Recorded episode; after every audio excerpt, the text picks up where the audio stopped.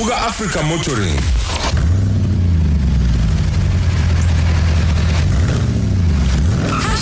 Ukhozi FM VABS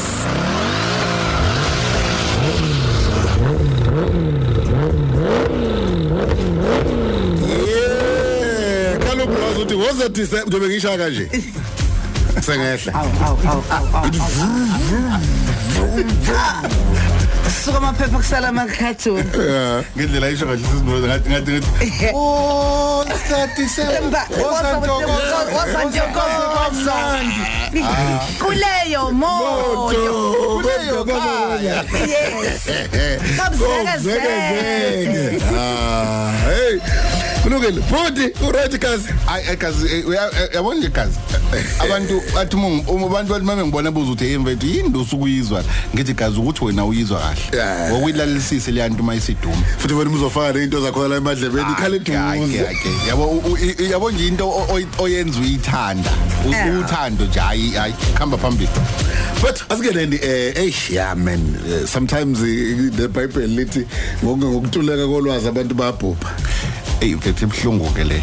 Yeah. Ngiyacabanga ukuthi eh, eh, eh, u- uSisi Rose Thomas ikhuluma of ukuthi ilungiseka kanjani.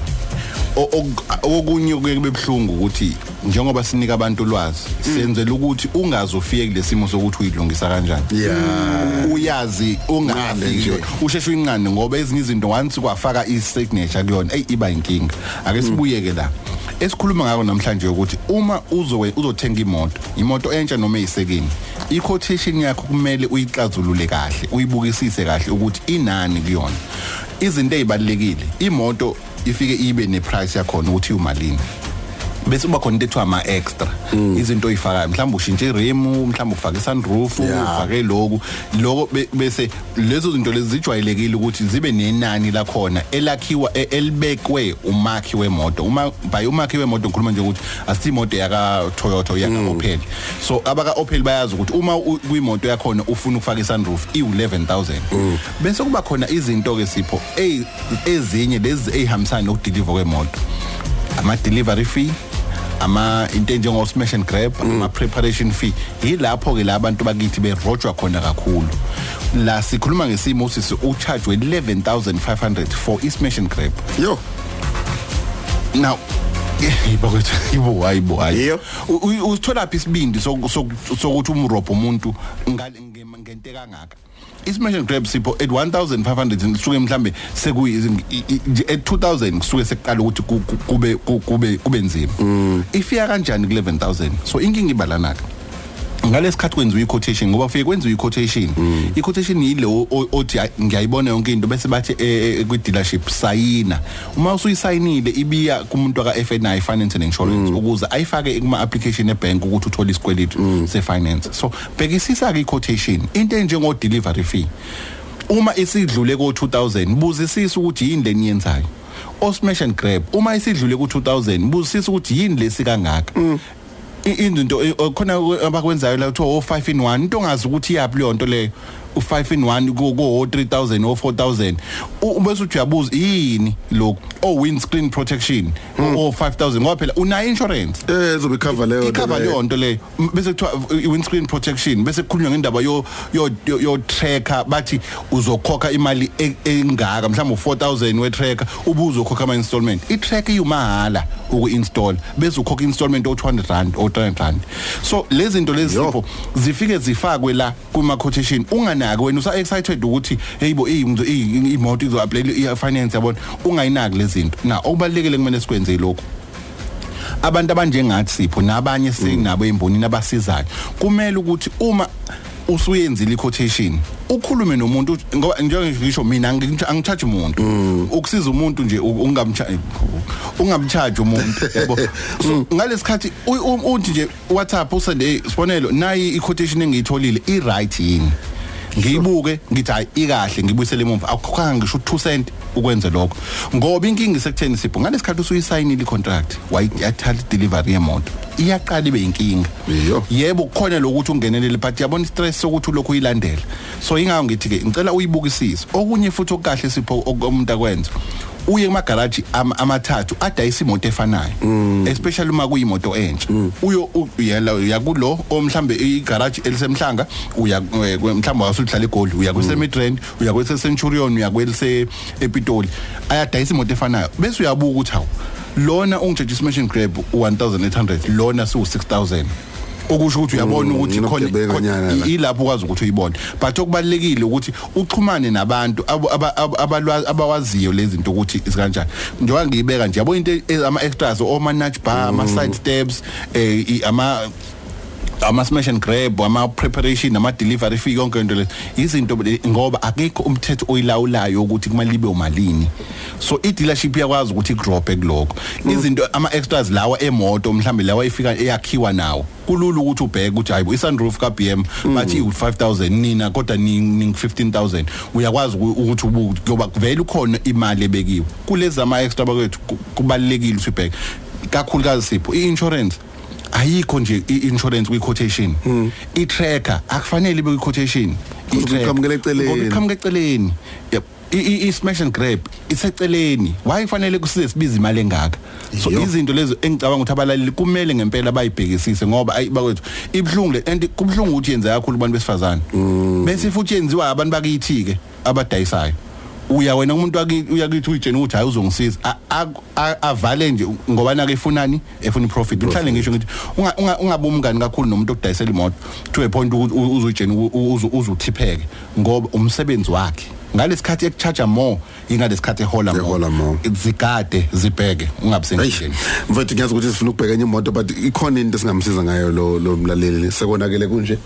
Ku- kuyimanje into enging into enging e- e- engifuna eng- eng- engithiya yenze U- ubha- ubhalele i-email kwi dealership wangathi angikopishe ngoba kufanele okokuqala sibanike ithuba lokuthi nabo baphendule. Yeah. ngoba ngithe nazi izinto.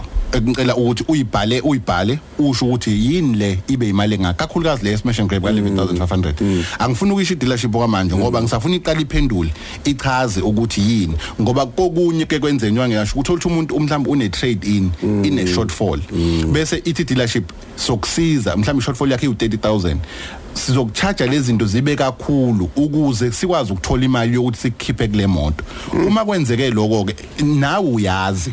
Kakhulukazi leyo nawe uyazi ukuthi hayi bayangisiza. So njengoba ibiza imali engaka vele bangikhipha kule moto but kule akanayo trade in bekuyi-finance. special grab hayi. Nazi ya mhlambe eh, mina ngibukela la kwabesifazane ukuthi umuntu wesifazane oqala ukuthenga eh, imoto nje ongakazi abe nayo imoto ozoqala eh ingabe kule weekend noma ngesonto elizayo ikuphi okufanele akwazi azifundise khona ngaphambi nje kokuthi aphumeke manje athi sengiyothenga imoto? Qale wazi amanani. Ya. La uRope yakho namanani inani lemoto. Yazi ukuthi imoto oyithengayo iyimalini ngenza umzekeliso. Sikhuluma mhlambe nge nge, nge Opel Corsa. Opel Corsa iyaziwa ukuthi u280000 Okay. ngoba um, abakhi baya baka Opel bayibekile ukuthi iOpel Corsa iyima- iyimali engaka.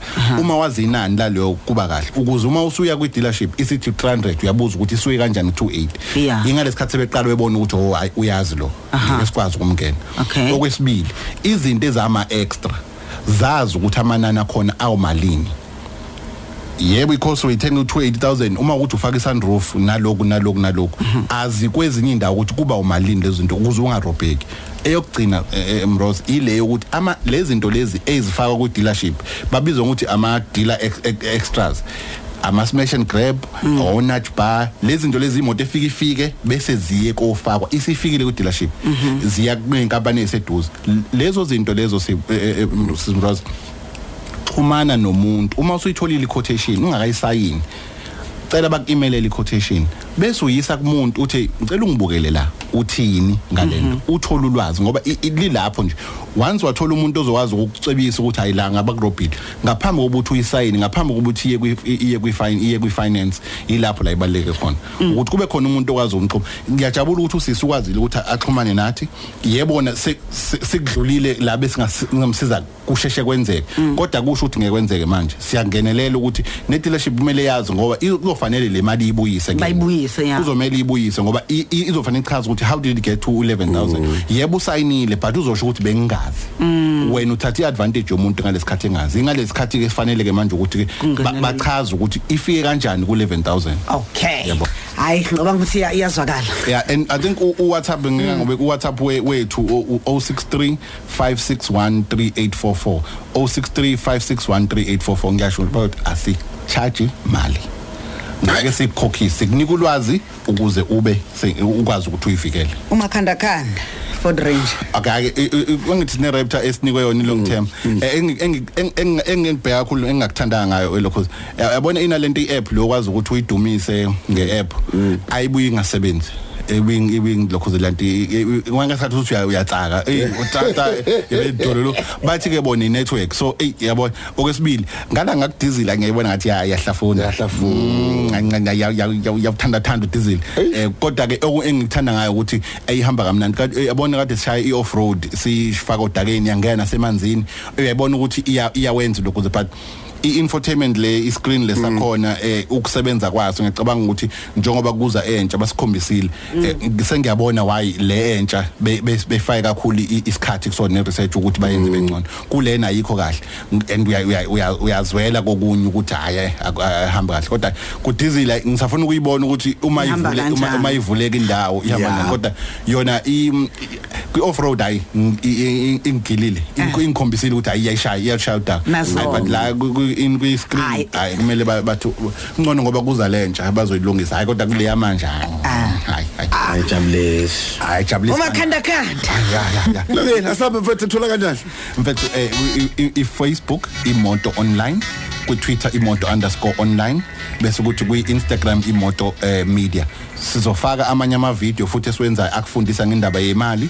So siwafaka lama video ukuze abantu bazi kakhulu ukuthi ikuphi la ungathola ukusizakala khona. Ngena nje kule video ubuke izokusiza manje noma izokusiza eminyakeni ezayo. Hayi afake Wazi. impela mfethu bayakudlaliwe ngabantu bakithi. Uyakhuluma dade wethu futhi. Ulwazi bakwethu lokusiza enkingeni Eish. ngalesikhathi wazi uyazi ukuthi mawusololo ngena ngena kanjani kwimoto online ubheke zonke lezi zinto njengalokhu sibo esho bakithi bengadlale ngawe. Awu! Sozokhokhiswa nemali accelerate bazi bakhokhisa ukuhlala emotweni. Kuthiwa ngoba usudla njalo ku-dealership fika ngenyanga uzokhokha i-thousand ekuyadlalwa ngathi hey.